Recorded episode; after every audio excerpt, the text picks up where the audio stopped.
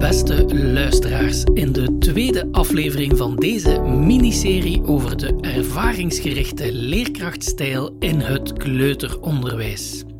Ik ben Jonas Slaats, een docent op KDG in de opleiding voor kleuterleerkrachten en mijn gesprekspartner is Evelien Krijn van het CEGO, het Centrum voor Ervaringsgericht Onderwijs.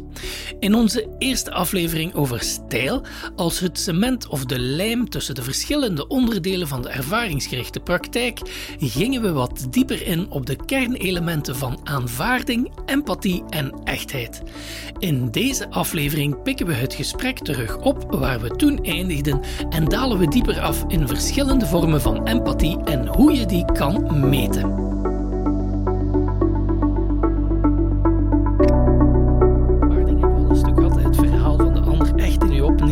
Echtheid, dat hebben we goed doorvrocht nu. Uh, maar dan het stuk van empathie. Laat ons daar wat dieper op inzoomen, want er zijn volgens jullie verschillende soorten empathie. Affectieve empathie, cognitieve empathie, conatieve empathie.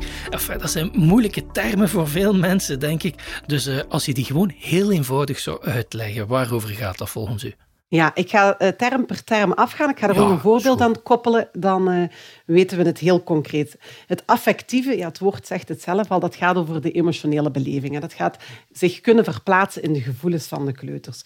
Uh, bijvoorbeeld, in een voorbeeldje, een kindje verliest tijdens een spelletje en in de kring vertelt hij dat tegen de juf en dat hij dat helemaal niet leuk vond, dat hij verloren heeft en dat Mat gewonnen had. En dan kan je als leerkracht zeggen, ach ja, volgende keer zal jij ook wel winnen. Of je kan zeggen, ja, verliezen is niet zo leuk. Hè. Je had toch liever het spelletje gewonnen. Heel simpel, op dat moment ga jij in hè, op die uh, affectieve gevoelens, hè, of die affectieve uh, empathie. Mhm. Bij het cognitieve zitten we niet meer op de gevoelenswereld, maar dan zitten we eigenlijk uh, in de denkwereld. Hè. Dus alles wat met, de cognitie te maken heeft. Dus dat we gaan uh, onderzoeken uh, wat ze zich voorstellen, wat die gewaarwordingen die ze ervaren teweeg brengen bij hun en ook in hun denken.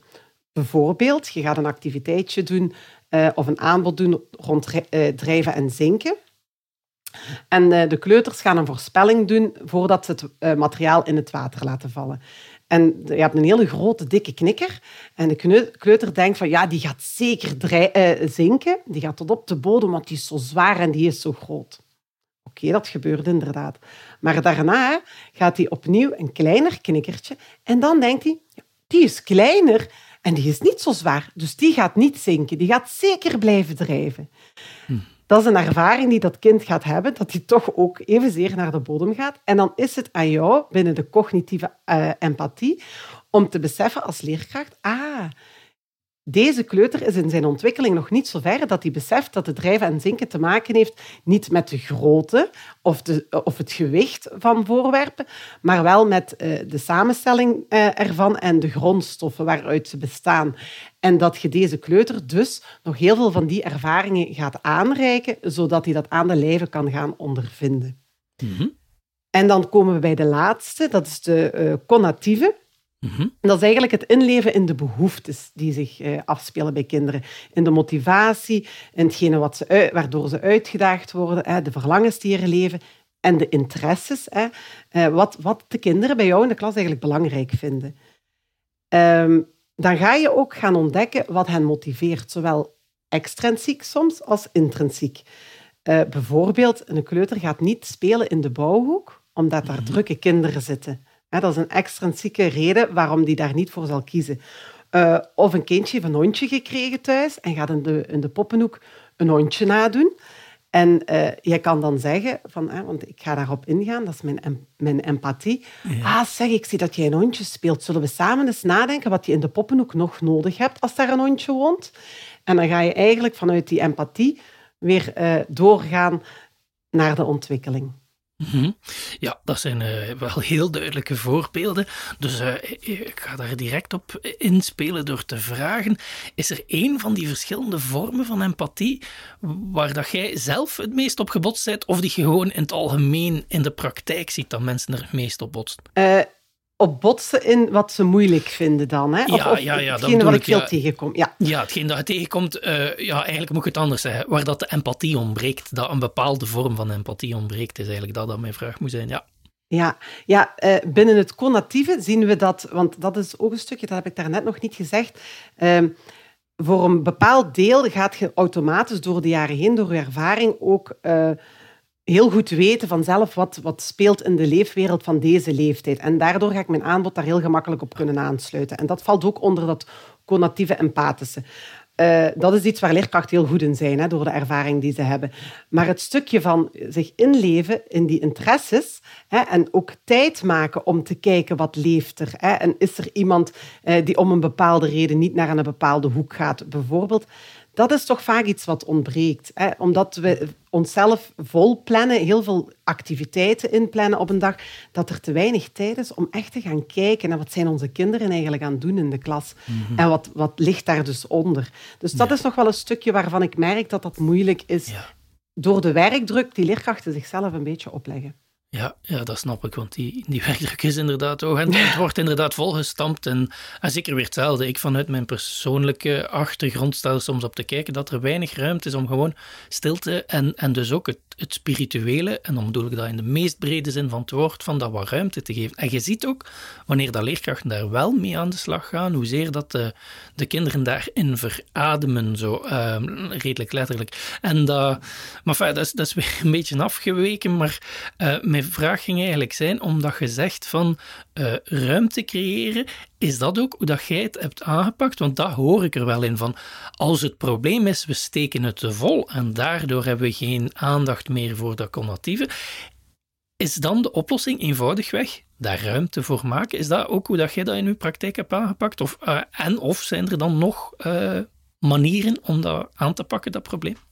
Ja, uh, het is zowel uit mijn praktijk, maar ook eigenlijk uit hetgene hoe wij scholen en leerkrachten coachen, is inderdaad om meer kindgericht te gaan werken. Hè. We zijn de meeste oudere leerkrachten, en dat mhm. mag ik mezelf dan ondertussen ook al bij rekenen, zijn ook opgeleid vanuit het thematische. En binnen het thematische werden we heel sterk uh, uh, ja, getraind om gewoon heel veel verschillende activiteiten aan te bieden, hè, zoveel mogelijk op een dag, waardoor dat daar zo'n beetje ingeslopen is. Uh, en wij proberen leerkrachten te stimuleren om lucht te creëren binnen een weekplanning. om witte, witte gaten in te roosteren, om meespelen en observeren ook echt in te plannen, zodat het perfect mogelijk is om een thema, een, uh, thema uit te werken, maar daarnaast wel ruimte te hebben voor die kinderen en om daar ook op in te spelen. Want je kunt heel veel zien in je klas en er uiteindelijk nog niks mee doen. Hè. Ja. Dus daar moet je tijd voor maken. Ja. Als, als de uiteindelijke oplossing zo uh, ja, praktisch is misschien niet het juiste woord, maar, maar dat soort invulling heeft van het gaat over ruimte en lucht creëren en tijd creëren.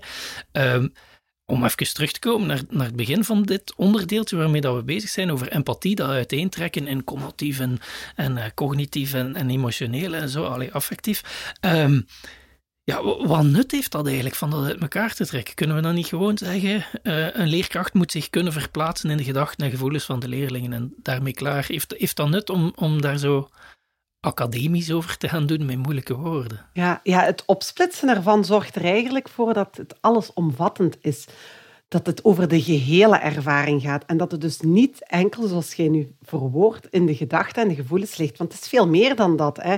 Het gaat over gevoelens, maar ook over het cognitieve en over behoeftes en intenties. Als we zouden zeggen gedachten en gevoelens, dan gaan we dat misschien weer verengen.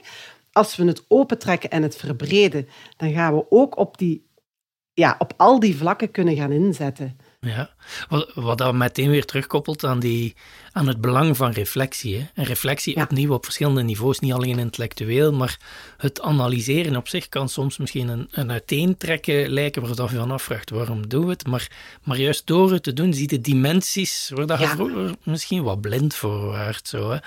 Um, Maar als ik daarop verder ga, wat ik een interessante vond in, in het boek zelf, uh, toen ik het eerst las, was de, de mogelijkheid om empathie te meten En, en zeker bij mezelf roept dat spontaan zo wat op. Hoe gaat je zoiets meten? Dat is zo van binnen, dat is zo innerlijk. Dat is wel heel moeilijk om daar een meetinstrument rond te creëren. Maar vertel maar hoe, hoe dat jullie daar uh, bij het ZEGO mee omgaan. Ja, het woord is al veel gebruikt, maar het is een manier om bewust te worden van hoe ver sta ik nu eigenlijk ten opzichte van eh, de juiste reactie geven, de juiste interactie met kinderen nemen. In hoeverre ben ik mij werkelijk aan het verplaatsen in die gevoelens van die kinderen en die belevingswereld en die cognitie. Uh, hoe meer je daar bewust van bent, hoe meer je daar ook in kunt groeien. Want het betekent natuurlijk ook dat dankzij zo'n schaal, dat je je heel erg kunt gaan plaatsen. En ik moet eerlijk, eerlijk zeggen dat, uh, ja, ik ben dan opgeleid, daar stond die schaal ook. Mhm. En uh, op een gegeven moment, door de jaren heen, deed ik dat nog wel, maar je voelt dat je op den duur langzaam maar zeker eh, soms dingen ook lost per ongeluk. Mhm. En dat het teruglezen ervan mij opnieuw bewust maakte. En ik dacht, ah ja, en dan ging ik automatisch, als ik een reactie gaf op een kind, dacht ik van, ah, lap, mislukt. Daar was ik het even vergeten. En het is dat wat we willen hebben. Dat we zorgvuldig woorden gaan kiezen, omdat we uh, hopen dat we in de hoogste schaal van de empathie zullen zitten. Omdat we weten ondertussen, hè, dat is ook bewezen, dat dat uh, ja, naar kinderen toe heel erg zinvol is. Hè. Oké, en als we die, die schaal dan wat uiteenvlooien, welke niveaus zijn er zo en, en hoe kun je daar concrete voorbeelden bij plaatsen dat, dat duidelijker wordt voor ons luisteraars over wat dat precies gaat? Het, het laagste niveau is het niveau van afwijzing. Hè. Dat is dus echt dat, dat, een, een negatieve reactie van de, leer, van de leraar. Hmm. Ehm, bijvoorbeeld, Jantje zit te lachen in de kring omdat uh, Sophie de woorden nog niet zo mooi kan uitspreken. En dan zegt de meester, ja maar zeg Jantje, jij hoeft niet zo te lachen, want je kan het eigenlijk ook niet zo mooi zeggen. Dat is eh, al, al, dat is al heel heftig eigenlijk. Ja, ja, dat is eigenlijk een vorm van geen empathie hebben, al bij al. Ja, ja. inderdaad. Uh, een andere reactie kan zijn bijvoorbeeld, en ik moet zeggen, ik betrap mezelf, daar, ik heb me daar vaak op betrapt ook. Bijvoorbeeld, we vragen aan een kleuter van, ah, eh, ik heb de, uh, de boekenhoek is open, eh, daar staat het boekje in van het verhaal dat ik vorige week aan jullie had gelezen. En dan zou een kleuter kunnen zeggen van, ja, maar dat kan toch niet, juffrouw? Het was een ander verhaal. En dan kan je zeggen van, ja, maar ik heb het niet over dat, uh, wat jij nu bedoelt. En dan ga je eigenlijk niet, niet in op hetgene wat die kleuter zegt. Je gaat er eigenlijk gewoon hmm. aan voorbij. Um, dan kan het een oppervlakkige reactie zijn. Hè? Dan, uh, dat is eigenlijk ook een mopje zo van... ik heb vannacht bij mijn papa geslapen. Ah, ik heb vannacht bij mijn papa geslapen, geslapen verbeterd dan de juffrouw. Dus ze gaat eigenlijk helemaal niet in op het kind zeggen. En dan zegt het kind, ik heb jou niet gezien. Dat is zo het mopje. Ja. Maar daar gaat je eigenlijk niet... Ja, het is heel oppervlakkig. Je reageert, op, uh, je reageert niet op de inhoud, je reageert wel op het kind. Hè, maar er is dus nog altijd geen inleving. En dan de laatste is bijvoorbeeld, hè, er, uh, is, het is carnaval en de kinderen hebben maskers op. En dan loopt de ene met een masker van een tijger achter een andere kleuter aan. En die kleuter die wat van voor loopt, die, uh, ja, die schrikt heel erg. Die is heel erg bang. En de juf ziet dat ook. Hè. Uh, en dan kan je zeggen van, ah ja, maar ik, zeg, ik zie het. Jij bent echt bang. Hè? Je denkt echt dat er een tijger achter je aan zit. Volgens mij vind je het niet zo fijn uh, dat die nu achter jou aanrent. En dan zitten we in die echte uh, bovenste schaal van empathie. Ja, ja dan doen we, ja, in dit voorbeeld doen we dan moeite om in dat magisch-realistisch wereldbeeld van zo een kleuter binnen te stappen, hè, waar dat ja. alles wat dat gespeeld is plots ook letterlijk is, hè, net gelijk met een podcast of zoiets. Ja. Um, uh, goed, maar wil dat dan zeggen als je dan naar die bovenste schaal kijkt, lukt dat dan wel? Want ik weet wel dat ik nog studenten uh, moeten begeleiden heb die afkomen met bijvoorbeeld, uh, ik denk dat, daar, dat er meerdere studenten zijn die dat wel meemaken, dat je in de klas staat en dat je juist heel empathisch wilt zijn en dus eigenlijk graag in, die, die bovenste, in dat bovenste niveau uh, werkt met de kleuters, maar dat je dan merkt, ik zeg maar wat, in je, in uw kringmoment ochtends of, of je zei de verhaal aan het vertellen en die die kleuter komt naar voren en begint te vertellen en begint er van alles bij te betrekken. Van oh ja, juf, ja, van het weekend dit en dat. En zeker als er een kindje is dat heel extrovert heeft en dat heel de tijd in zich heeft, op den deur hypothekeert die wel heel uw activiteit, uw verhaal of uw ochtendritueel gaat niet meer vooruit. En dus die student die dat daar een keer met mij over had, ja, die, die, die kreeg daar ook wel commentaar op van de mentor. Van soms moet je ze ook wel wat indijken. Zo, hoe, kijkt je daar dan naar? Hè? Dus concreet is de vraag, kan dat wel constant u verplaatsen in de kleuter en meegaan in het verhaal. Want als je meegaat in het verhaal, uh, dan, dan zit je soms 24 uur verder nog steeds in het verhaal. Ja, uh, ik heb dat verschillende vragen door elkaar gesteld. Dus ik ga eerst even antwoorden. Kan het om altijd in de hoogste schaal uh, ja, mm -hmm. te reageren, om het zo te zeggen? Ik denk dat dat een utopie is. Hè. Ik denk dat ehm, daar weinig leerkrachten in zullen slagen om dat constant en altijd in iedere situatie en bij ieder kind te doen. Maar ik denk wel dat de sterkte erin ligt uh, dat we gaan streven naar de hoogste schaal en dat we ons mm. bewust inzetten, steeds opnieuw, om de meest uh, geschikte en empathische reactie te geven die mogelijk is voor de kinderen. Mm. En dat dat dan niet altijd lukt, is perfect oké. Okay. Ja. Um, Kunnen we in die zin zeggen dat, uh, dat die schaal eigenlijk minder een meetinstrument is als wel een streefinstrument? Ja, je kunt het letterlijk gebruiken in de zin van we gaan nu eens oefenen om te kijken van wat situeert zich daar. Maar dat zou je bijvoorbeeld in een opleiding wel doen. Mm -hmm. Maar als leerkracht eenmaal in de praktijk gebruik je dat niet meer als meetinstrument. Maar het is inderdaad een streef of een bewustwordingsinstrument. Zo zie ik het vooral. Ja, ja. En dan in uw verhaal, hè, in uw, voorbeeld van uw student, want dat vind ik een heel mooi concreet voorbeeld, is iets wat ik ook zelf als student ervaren heb.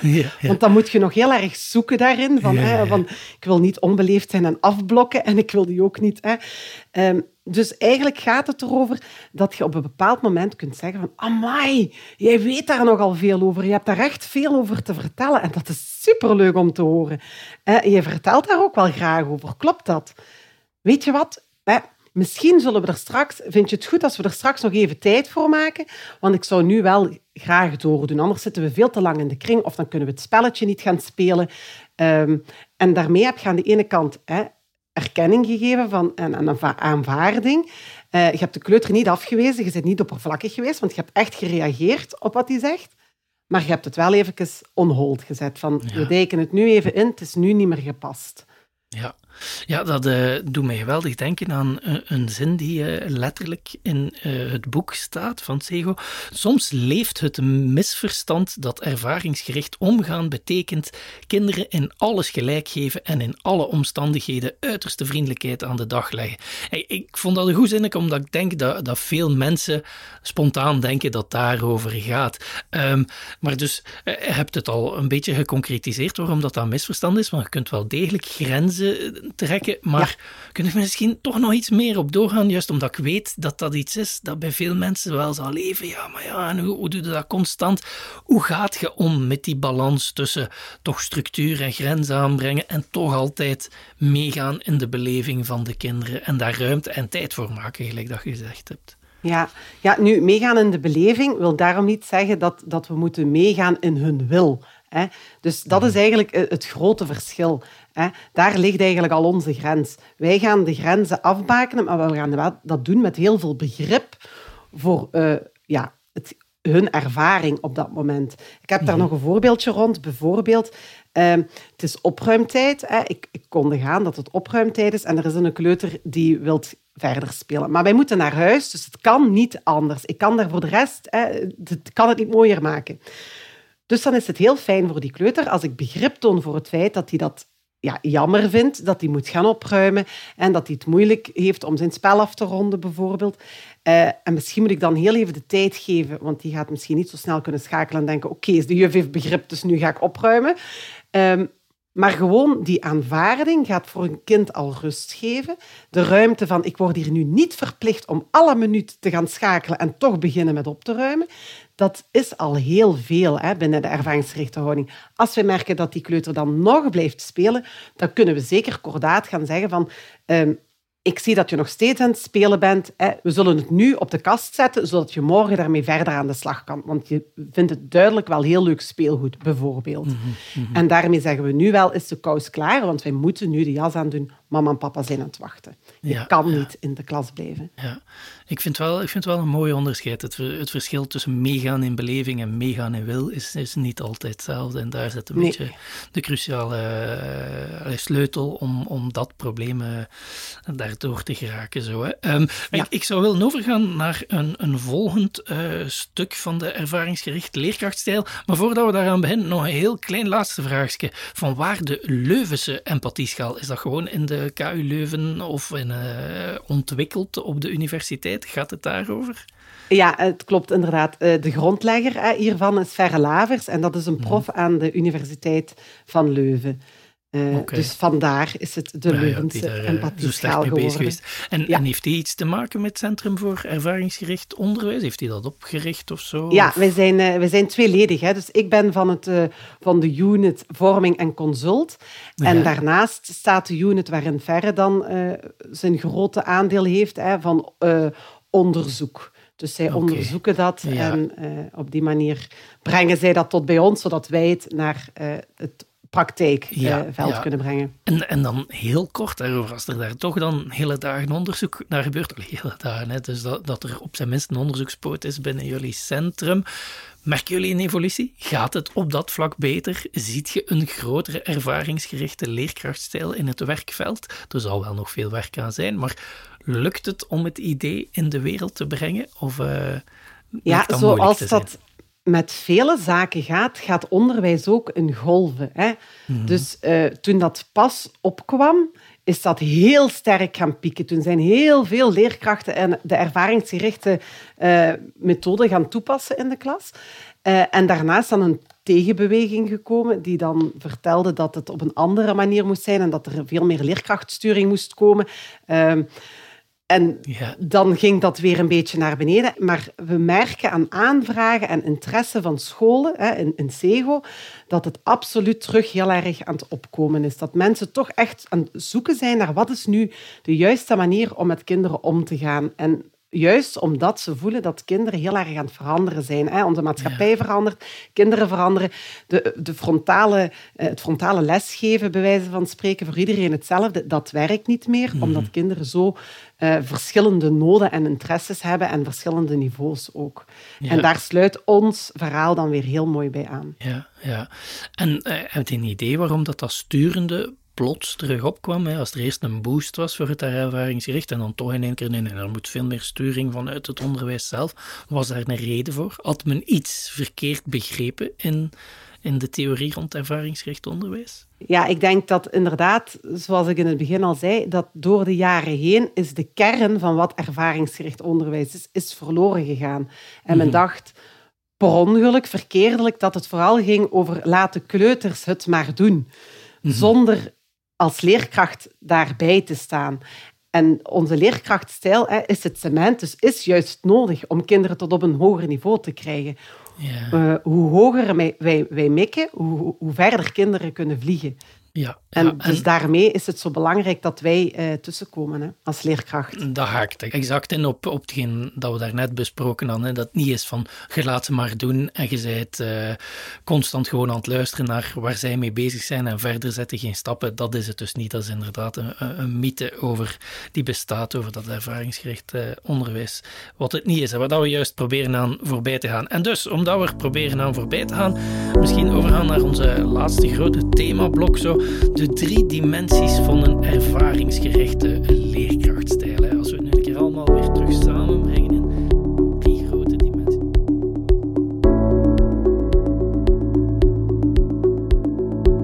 Ziezo, beste luisteraar.